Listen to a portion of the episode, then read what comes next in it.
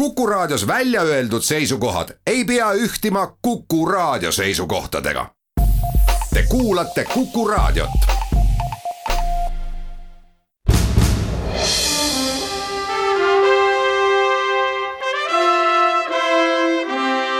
vahetund Postimehega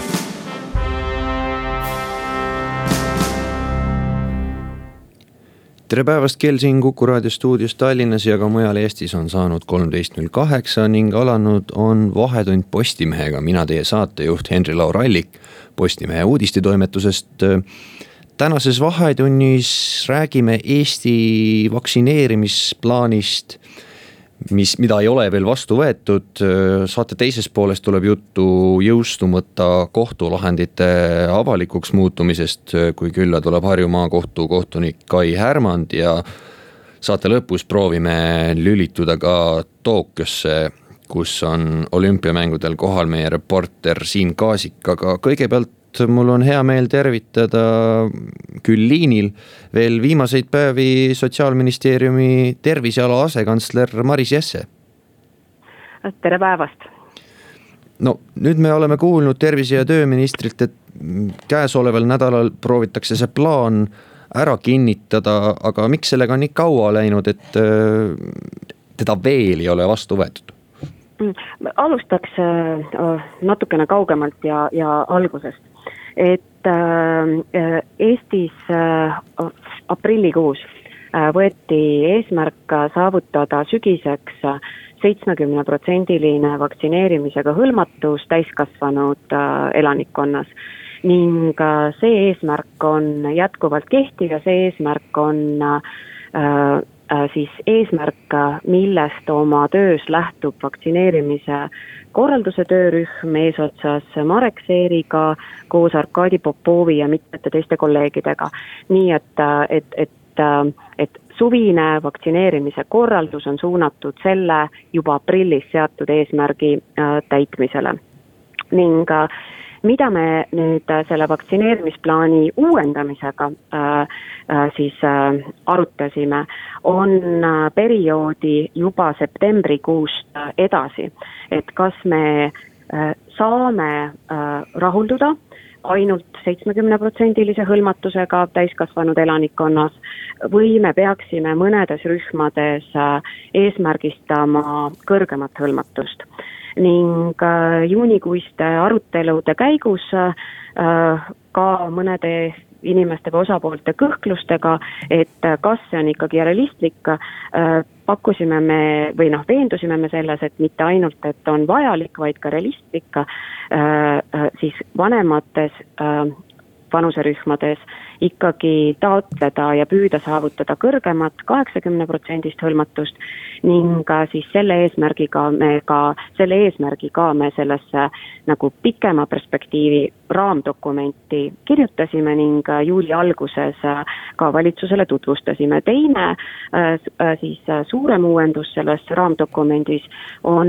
äh, juba pikema, veel pikema perspektiiviga, et kahe tuhande kahekümnendast teise aastasse, et millised on äh, võimalikud stsenaariumid äh, kolmanda doosi vajadusel, noh Jansseniga vaktsineeritutel siis teise doosi vajaduses. et me kirja-, keegi maailmas praegu täpselt seda öelda ei saa, äh, iga nädalaga tuleb teavet juurde, aga meie oleme selles dokumendis siis kirjeldanud nelja võimalikku baasstsenaariumit, ka öeldes, et see, mis reaalselt toimub, on tõenäoliselt kombinatsioon nendest äh, neljast erinevast äh, stsenaariumist. nii et ja see kolmas pikema... doos, nii et see kolmas mm -hmm. doos on ikkagist äh, täiesti sisse kirjutatud ja on meil erinevad plaanid, kuidas seda kolmandat doosi hakata manustama? no kõigepealt, et kellele võib seda kolmandat doosi vaja minna, et stsenaariumid on erinevad et äh, kõige rohkem siis ja ulatuslikum oleks see, kui kõik vaktsineeritud inimesed vajavad kolmandat doosi ähm, millal täpselt, seda keegi maailmas ka praegu ei oska öelda, et äh, aga me oleme teinud arvestused lihtsalt sellega, et kui see on aasta peale esimese vaktsineerimiskuuri lõpetamist. aga suurema tõenäosusega kui see, et kõik vajavad äh, aasta peale vaktsineerimiskuuri lõpetamist, on stsenaariumid, et võiksid äh, vajada kolmandat doosi siis nat-, nõrgema immuunsüsteemiga inimesed, kas siis see immuunsüsteem on nõrgem mingi haiguse tõttu või siis selle tõttu, et inimene on eakas. Ja need on siis meil stsenaariumitena lahti kirjutatud ja nagu, aga et äh, millal äh, või milline stsenaarium äh, nagu rakendub, ei tea, või siis näiteks, et tuleb uus äh, tüvi, mis äh, tundub, äh, et on võimeline läbi murdma siis vaktsiini kaitsest ja ikkagi tekitama juba rasket haigestumist. et siis kutsutakse e-, esi-, tagasi selle vaktsiiniga vaktsineeritud inimesi, et neid vaktsineerida mõne teise tehnoloogiaga vaktsiiniga. Hea küll, äh, põhilised räägime asjad lühi-, mis seal uuendatud dokumendis on. ja räägime lühidalt sügisest, kuidas on, kas see vaktsineerimise korraldus on kuidagi äh, sügisel teistsugune, millele rõhku hakatakse panema? Äh, vaktsineerimise korraldus äh, äh, peaks liikuma rohkem, et kõigepealt muidugi see sõltub väga palju ka sellest, et kui kõrge hõlmatuseni me nüüd septembrikuu keskpaigaks jõuame, millise nagu, milline on ülesandepüstitus kogu tervishoiusüsteemile. aga mida rohkem on vaktsineerimine integreeritud kõikide tervishoiuasutuste tavatöösse, seda nagu parem on see tervishoiuasutuste töökorralduse seisukohalt ning saab ka seda siis ühildada teiste arsti, arsti juures käikudega. Et praeguse siis nägemuse kohaselt me sügisel selliseid suuri vaktsineerimiskeskusi lihtsalt selliseks vaktsineerimiskuuri alustamiseks.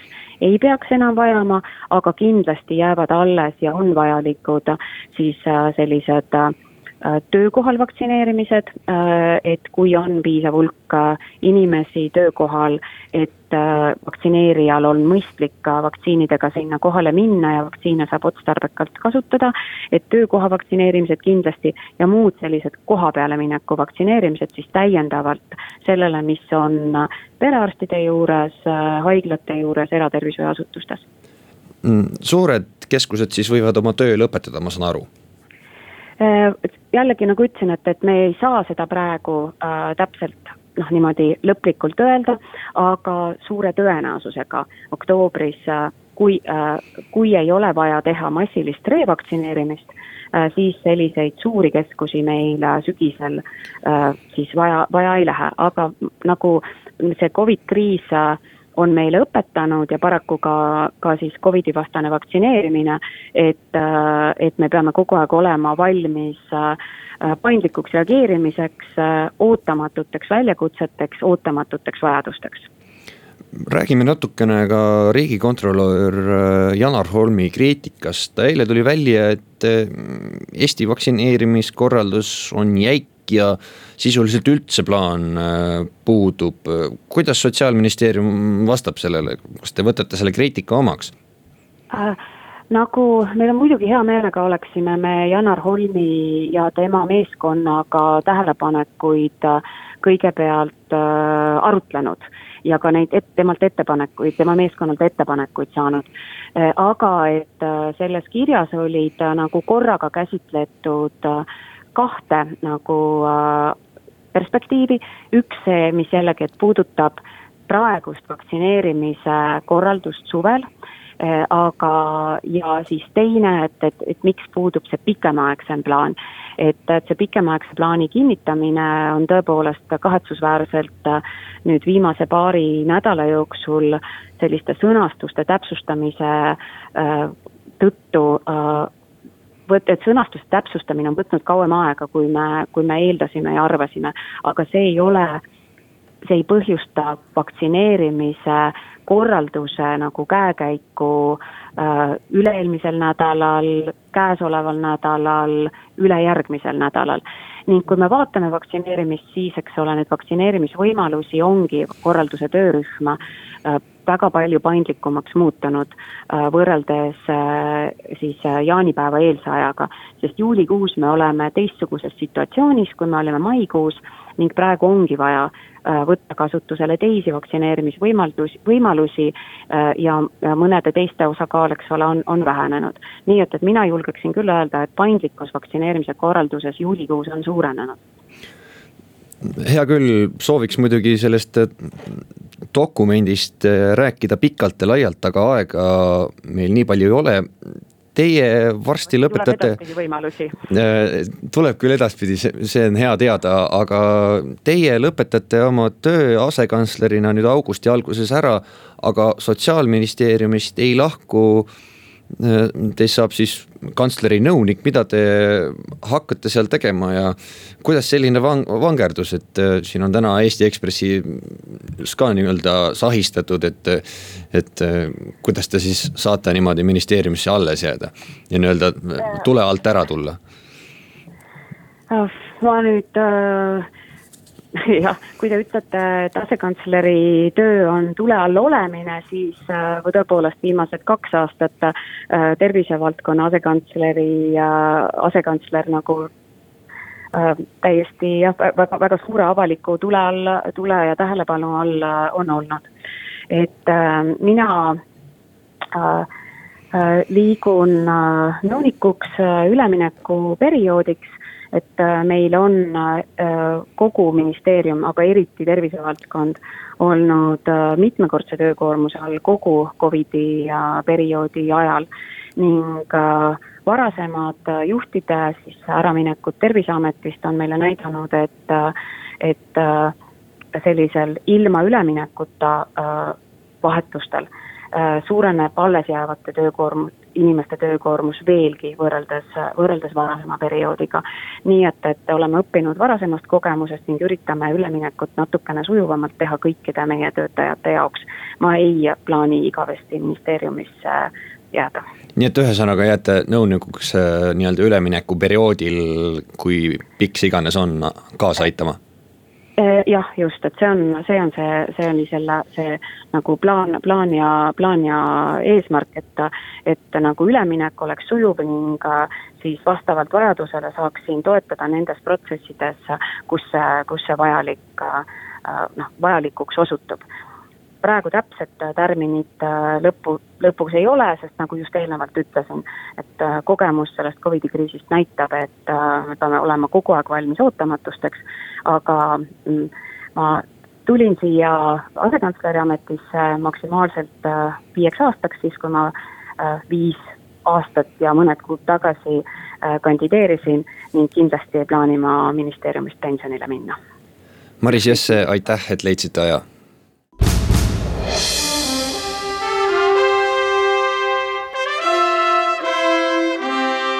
vahetund Postimehega.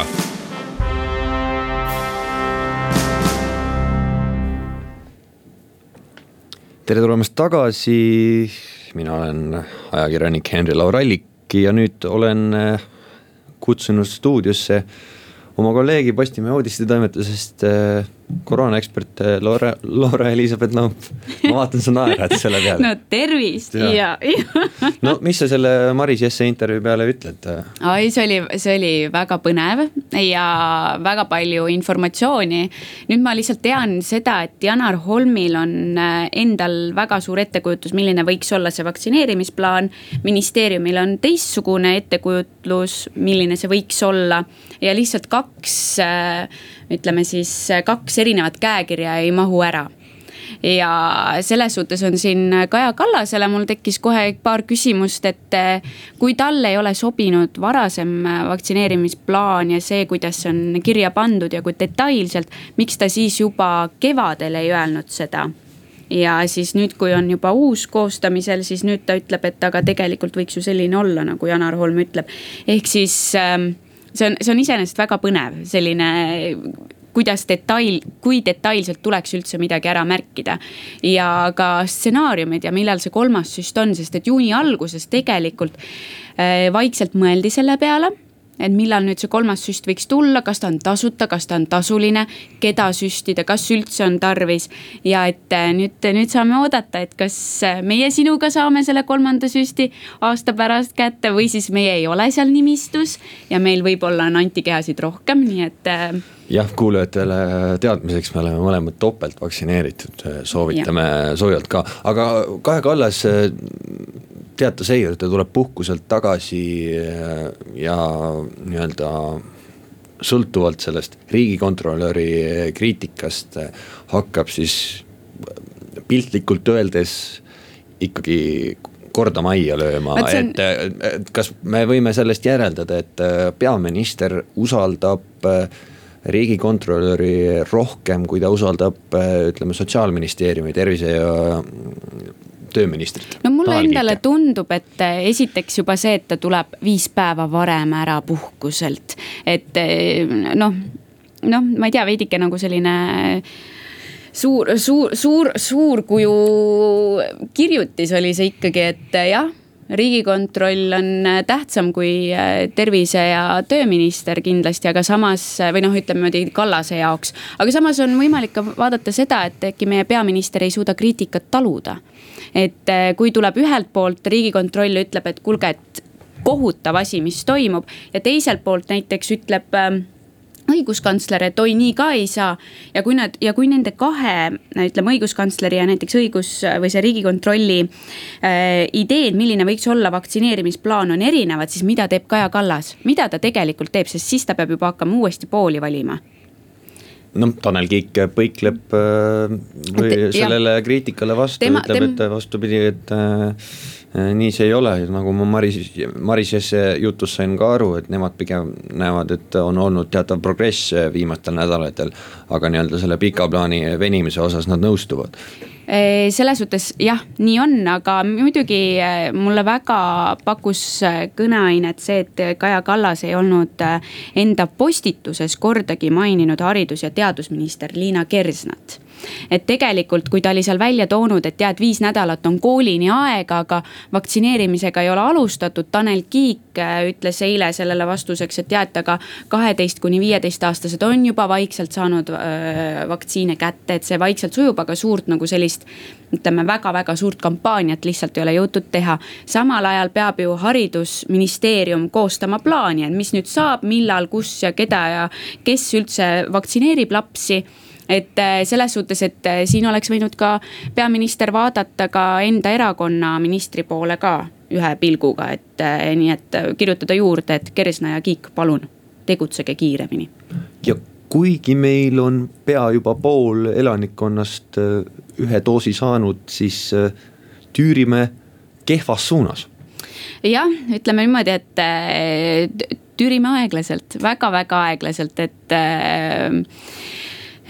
meil on vaja sügiseks saada üle seitsmekümne protsendi kindlasti seda karjaimmuunsust kätte ja seda on juba erinevad teadlased ka öelnud, et delta tüve agressiivsus on väga-väga suur ja kui seitsekümmend protsenti on käes, siis see tähendab, et need kolmkümmend protsenti on kindlalt paari, paari nädalaga juba haigestunud ja kunagi ei või teada, et kuidas see lõpeb, on ju, haigus. aitäh sulle, Loora. Lähme kuulame ära uudistepausi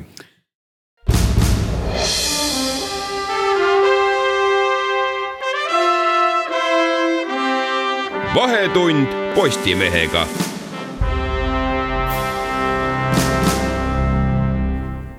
tere tulemast tagasi saate teises pooles, nagu varem mainitud, on meil plaanis lülituda Tokyosse kus on meie reporter Siim Kaasik kohapeal, aga kõigepealt mul on väga hea meel tervitada stuudios Harju maakohtu kohtunik Kai Härman.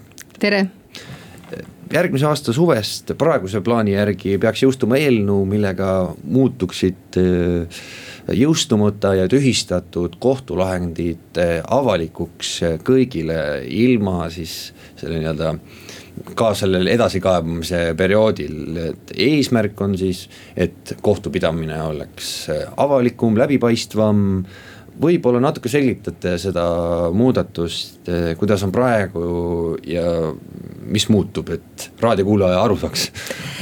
tõesti, tegemist on ju väga huvitava eelnõuga, kus on tegelikult sees kolm muudatust. kõigepealt on võimalik siis tõesti tulevikus tutvuda kohtulahenditega kohe, kui need on avalikustatud või tehtud siis ütleme.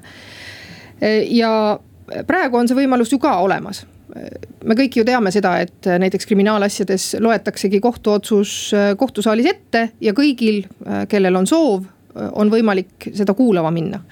aga nüüd siis liigume selle, selle põhimõttega nii-öelda digiajastusse ja, ja enam ei ole vaja tulla kohtusaali seda kuulama, vaid on võimalik siis Riigi Teataja andmebaasist leida need jõustumata kohtulahendid. Teine muudatus, mis selles eelnõus on, on võimalik siis äh, menetlusvälistel isikutel ehk siis laiemal avalikkusel äh, kergemini tutvuda kohtutoimiku materjalidega. ja, ja kolmas võimalus, mis äh, tegelikult seni Eesti õiguses ju puudus, on kohtu ütleme siis istungite videoülekannete võimaldamine. See on minu arvates võib-olla kõige huvitavam ja kõige laiema mõjuga võimalus selles eelnõus no mis puhul või kuidas see toimiks, ütleme, et meil on sellised suure ka kaliibriga äh, juhtumid äh,. Alaveri asi, Tallinna Sadam, neid, äh, kui ütleme, sarnase kaliibriga asjad tuleksid tulevikus, äh, siis avaliku huvi tõttu oleks videoülekanne sealt. ja see oleks ikkagi väga huvitav, ma arvan ühest küljest on see loomulikult äh, kohtu otsustada. sest et seal peab mõtlema päris mitmetele aspektidele. esiteks äh, ka praegu on ju võimalik tulla inimestel avalikku istungit äh, kuulama. lihtsalt see nõuab teatud pingutust, sa pead tulema kohtusaali kohale. kohtusaalide mahutavus on see küsimus ja nii edasi ja nii edasi. teisest küljest, kui me mõtleme nendele inimestele, kes seal kohtusaalis siis asja pärast on on nad siis menetlusosalised, noh tsiviilasjades hagejad, kostjad. Äh, kohtualused siis äh, kriminaalasjades äh, esindajad, siis nemad teevad oma igapäevatööd selles kohtusaalis. ja, ja alati peab mõtlema ka selle peale, et kas selle töö kvaliteet saab olla mõjutatud sellest avalikust ülekandest. võib-olla on tunnistajad näiteks kidakeelsemad, eks ole, või siis vastupidi, hakkavad seal mingisugust äh, etendust andma, eks ole. muutuvad emotsionaalsemaks äh, või dramaatilisemaks, eks ole, võib-olla on, on selle kohtuistungi pidamine raskendatud seetõttu, et see on avalikult äh, ülekantav. ja seal on terve rida muid aspekte ka loomulikult, et noh, tunnistajad tegelikult ei tohiks ju kuulda seda, mida teised tunnistajad räägivad ja nii edasi nii edasi. aga, aga kindlasti ütleme näiteks kohtuvaidluste ajal, kus siis äh, esindajad ja, ja, ja kohtualused ja noh, ja, ja kaitsjad saavad oma kohtukõnesid pidada. Äh, nende ülekandmine oleks kindlasti, äh, ma arvan, väga huvitav just, just nimelt sellistes suurtes kohtuasjades, sest ega neid ei ole palju, meil on ju äh, ligi viis tuhat kriminaalasja kohtus aastas ja, ja peaaegu et kolmkümmend viis tuhat tsiviilasja, eks ole, et, et murdosa nendest pakub ju võib-olla kümmekond pakub avalikkusele huvi, eks ole, et see ei oleks kindlasti äh, massiline. aga ma arvan, et äh, see oleks kindlasti üsna noh, haruldane, ütleme ka Euroopa Liidus näiteks ei ole väga palju selliseid, äh, selliseid võimalusi erinevates riikides aga see tähendab, et tuleb ikka leida selline kuldne tasakaal avaliku huvi ja selle vahel, et kohtupidamine ei oleks häiritud, mis on mineviku põhjal alati raske olnud. ja väga, väga õige, muidugi. kuidas te kohtunikuna seda, neid muudatusi vaatate, on need teile sümpaatsed? iseenesest on ju äh, hea, kui, kui me näitame, ütleme ka Euroopa Liidus teed sellisesse digi, äh, digikohtumenetluse ajastusse, eks ole. seal on omad ohud, loomulikult, eriti kui me räägime näiteks tsiviilasjadest, siis äh, eelnõu nõuab nende kohtulahendite noh, kas pseudonüümimist või anonüümimist, aga, aga tegelikult ei ole väga keeruline nende inimeste nimede ja, ja kohtuasja numbrite kokkuviimine iseenesest erinevate andmete põhjal. ja, ja inimeste noh, privaatsus iseenesest on ju väga oluline, et, et tegelikult kelle asi see on, et, et mõni korteriühistu liige on jätnud oma arved maksmata ja, ja ega see võib-olla pakub huvi ainult käputäiele inimestele, eks ole. Teisest küljest on huvitav näha ka loomulikult ütleme õigusteaduse poole pealt seda, kuidas, kuidas noh nende kohtuasjade käekäik siis on, eks ole, et kas neid äh, tühistatakse, mis põhjusel neid tühistatakse, eks ole, mis, mis on siis äh, seal, äh, seal toimunud, nii et ma arvan, et see ei ole midagi katastroofilist, kuigi kuigi see on eriline ka Euroopa Liidus näiteks, et väga paljudes riikides siiski sellist täielikku kohtulahendite avalikustamist ei toimu et eriti, kui me räägime esimese ja teise astme kohtute lahenditest, et neid avalikustatakse, noh, ma ei tea, Saksamaal näiteks. ainult siis, kui kohtunik arvab, et see on oluline ja siis ka mitte internetis, vaid, vaid nii-öelda paberväljaandes, eks ole, et aga kindlasti ajakirjanduse töö, kui ma mõtlen, kuulates neid kõiki nagu muudatusi, eh, muutub hoopistükkis lihtsamaks, et kui praegu viisakalt küsida pressiteenistuse käest, on võimalik ka see paberil eh, või digikujul see jõustumatu kohtulahend kätte saada või siis eh, minna ise kohale. aga sel, sel puhul oleks videoülekanne ja nii-öelda see nii-öelda lahend kohe ilma küsimuseta internetist võtta kindlasti teeb see avalikkuse, mitte ainult ajakirjanduse, vaid üldse avalikkuse juurdepääsu õigusemõistmisele läbipaistvamaks. Ilmselt, ilmselt ka tõstab inimeste õigusteadlikkust, teisalt see nõuab ka teatud siis nii-öelda oskust neid, juriidilist kirjaoskust, eks ole, neid, neid kohtulahendeid ka lugeda ja saada aru, mida siis see tähendab, et kas see kohtuostu on nagu jõustunud või, või mitte, eks ole, et et äh, see ei saa olla jõustumata kohtulahend ei saa olla kunagi noh, nii-öelda see tõde või, või, või see kindlus, eks ole, et. nii et äh, ma arvan, et see on samm õiges suunas, iseküsimus on jah, et võib-olla seal mingites detailides on vaja veel seda eelnõud lihvida kas kohtupraktika, kohtupraktika võib ka sellest kuidagi muutuda või kohtunike arvamused või kaal-, kaalumised? no ma arvan, et äh, kohtunik teeb oma otsuse ikkagi ju äh, teades seda, et ta teeb otsuse riigi nimel ja teades ka seda, et kunagi saab see avalikuks, eks ole, et.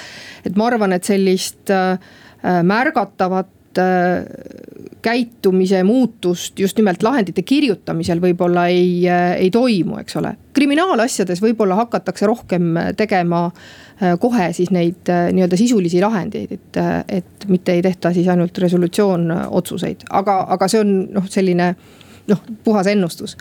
aga see, kuidas see videoülekande säte siis nii-öelda tööle hakkab, seda ma tõesti jälgiks huviga akadeemiliselt on siin kindlasti ülikoolide õigusteaduskondades väga palju uurida ja väga palju teadustööd teha.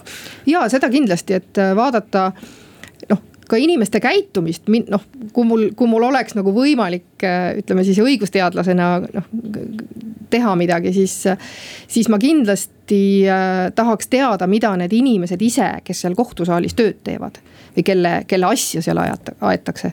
mida nemad mõtlevad või tunnevad, kas nad tajuvad üldse seda vahet või, või teavad noh mis mõju sellel, sellel videoülekandel üldse neile on, eks kohtupidamine on äh, küll avalik, aga nüüd see on päriselt avalik. Jah, selles mõttes, et ta on laiemale avalikkusele kättesaadav taaskord, seal on muidugi teatud ohud, eks ole, just, just me räägime sellest, et. et ei hakataks neid, neid ülekandeid siis salvestama loomulikult seal peab äh, identima ennast, äh, et, et sinna ligi saada, aga noh, samamoodi, eks ole, ekraani pealt võib ju eraldi filmida. ja, ja et ei hakataks neid kurjasti ära kasutama, ma siin juba noh, fantaasial lasta lennata, siis saab kõiksugu asju kokku lõigata, eks ole. erinevatest videomaterjalidest ja, ja nii edasi, nii edasi, aga noh, ma arvan, et, et see siiski saab olema pigem see tulevik, normaalne tulevik, kui et Äh, kui et äh, suur hirm. Kai Härmand, ma väga tänan. aitäh teile.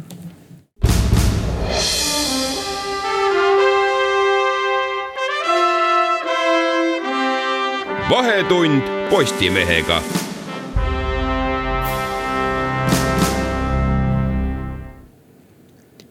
tere tulemast tagasi ja nüüd on aeg rääkida olümpiast ja kõigepealt teeme väikese lülituse kaugele Aasiasse. mul on rõõm tervitada Postimehe sporditoimetusest Siim Kaasik, kes on meiega ühenduses otse Tokyost, tervist.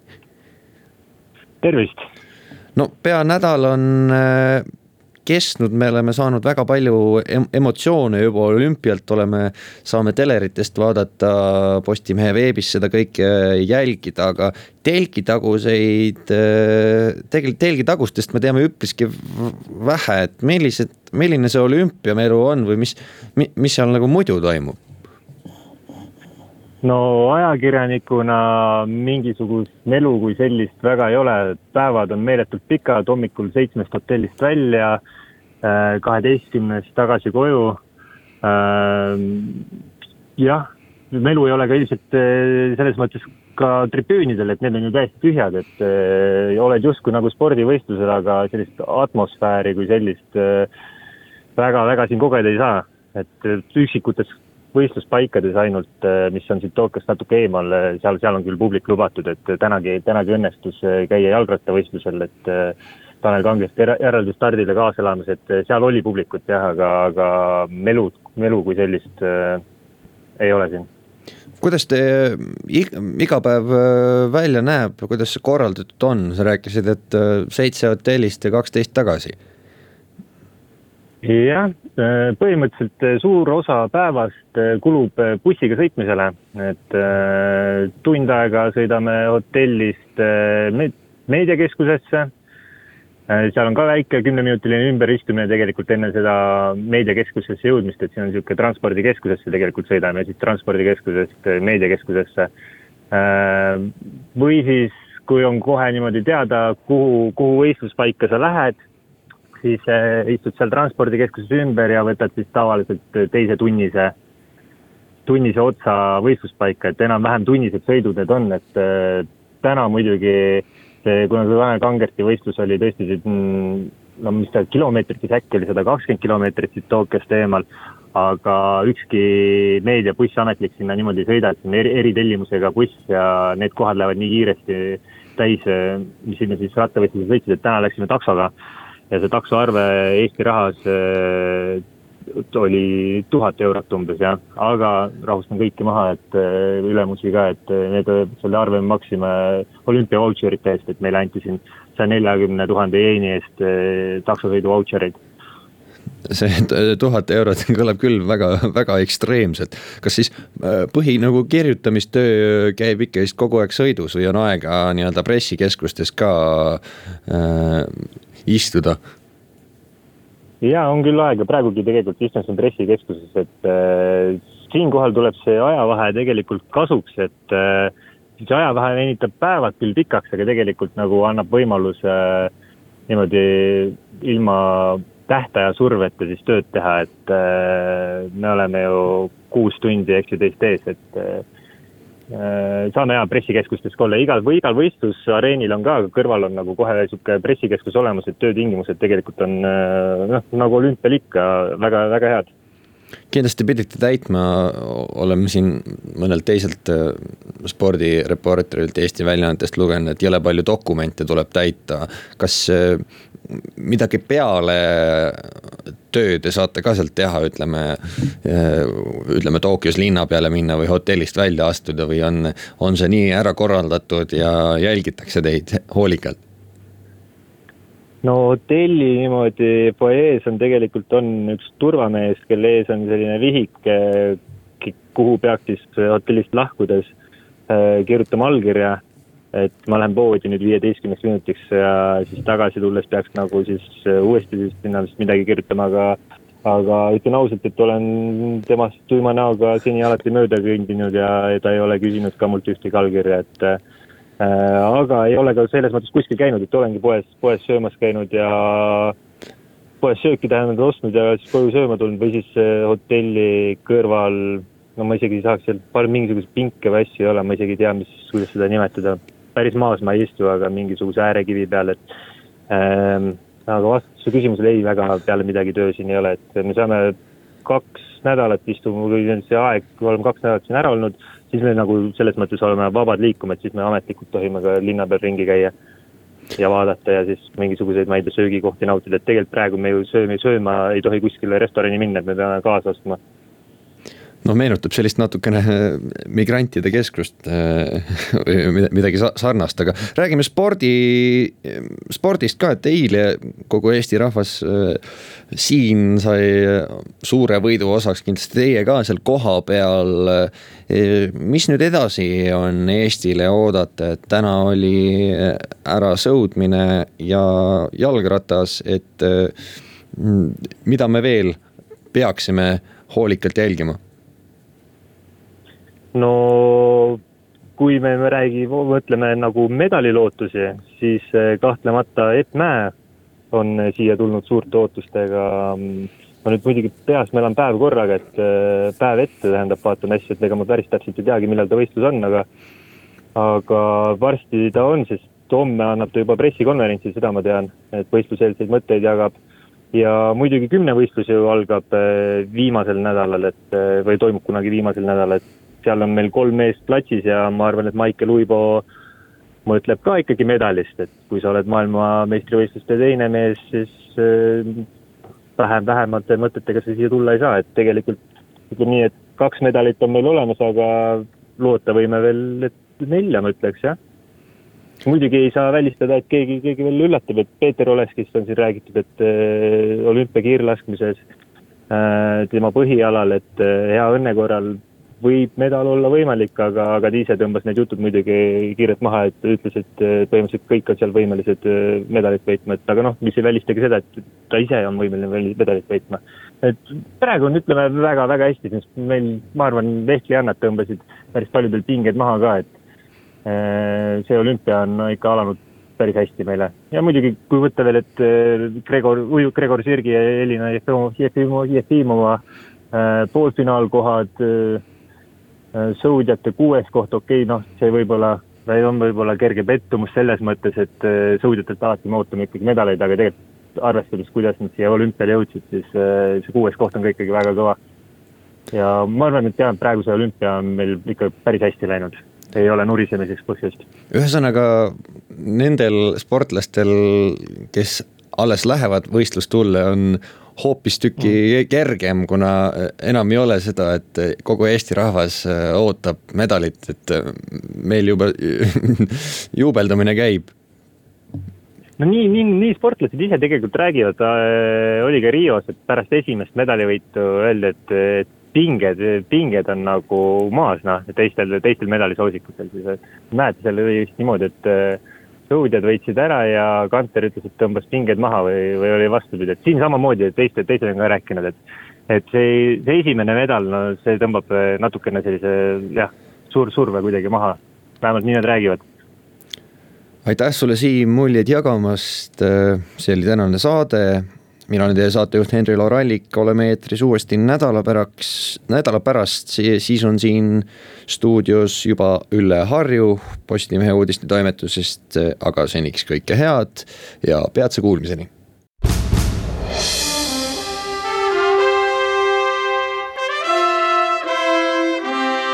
vahetund Postimehega